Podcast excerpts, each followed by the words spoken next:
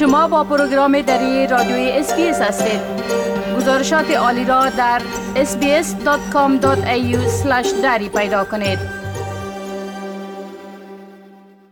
شنونده های عزیز حال همکار ما سام انوری در ارتباط بر رویدادهای تازه شیوع ویروس کرونا و تطبیق واکسین های این ویروس معلومات ارائه می کنند آقای انوری سلام بر شما. میشه که در آغاز لطف کنین و با شنونده های ما در مورد وضعیت کرونا در استرالیا معلومات شریک بسازین. با سلام به شما و شنوندگان عزیز. خب سه ایالت پرنفوذ استرالیا یعنی نیسات ولز ویکتوریا و کوینزلند در شبانه روز گذشته در مجموع بیش از 33500 مورد تازه ابتلا به کووید 19 ثبت کرده. همچنین طی 24 ساعت گذشته دست کم 29 نفر از اثر بیماری کرونا در این ایالت جان دادند. ایالت نیساوت در شبانه روز گذشته 15334 مورد مثبت کووید 19 ثبت کرده. در این مدت 11 نفر بر اثر کرونا در نیساوت جان دادند و در حال حاضر 1584 بیمار کرونا در شفاخانه های ایالت بستری هستند که 70 در آنها تحت مراقبت شدید قرار دارند.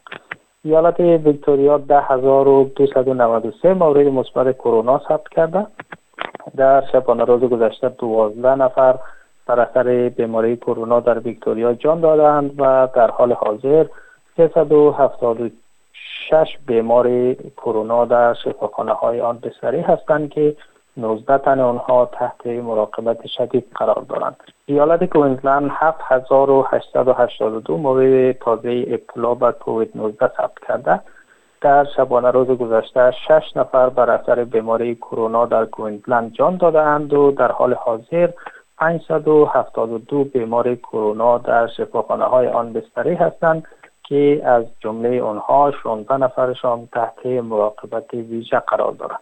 آقای انوری یک تحقیق تازه در استرالیای جنوبی نشان می دهد که میزان مرگ و میر در افراد واکسین نشده سه برابر بیشتر است. میشه که در این مورد هم با شنونده های ما جزیات را شریک بسازین؟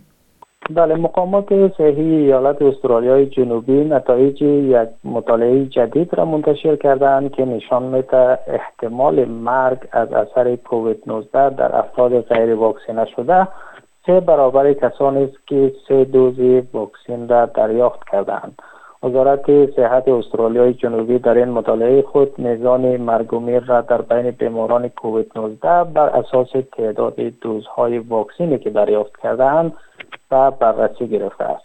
بر اساس یافته های تحقیق نرخ مرگ در بین افراد غیر واکسینه شده 159.7 و در بین افرادی که سه دوز واکسن را دریافت کرده اند 50 است این معنا که از هر 100 هزار بیمار غیر واکسنا شده نزدیک به 160 نفر آنها از اثر بیماری کرونا جان می‌دهند.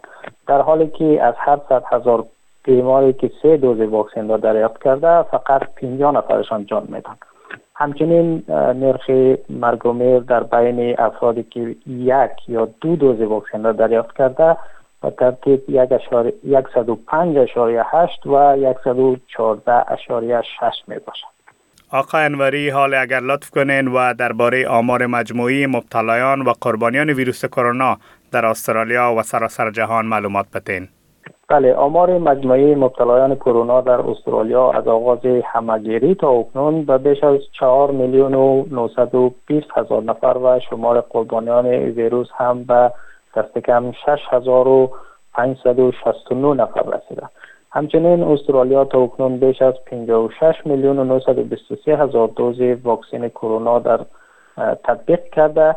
و در مجموع 86.55 درصد جمعیت واجد شرایط استرالیا تحت پوشش برنامه واکسیناسیون قرار گرفتند 51.12 درصد سه دوز 32 درصد دو دوز و بیش از 3 درصد دیگر تنها یک دوز زدند آمار مجموعی مبتلایان کرونا در سطح جهان به نزدیک نیم میلیارد نفر و شمار قربانیانش هم به بیش از 181 هزار نفر رسیده. آمار مجموعی مبتلایان کرونا در سطح جهان به نزدیک نیم میلیارد نفر و شمار قربانیانش هم به بیش از 6 میلیون و 181 هزار نفر رسیده.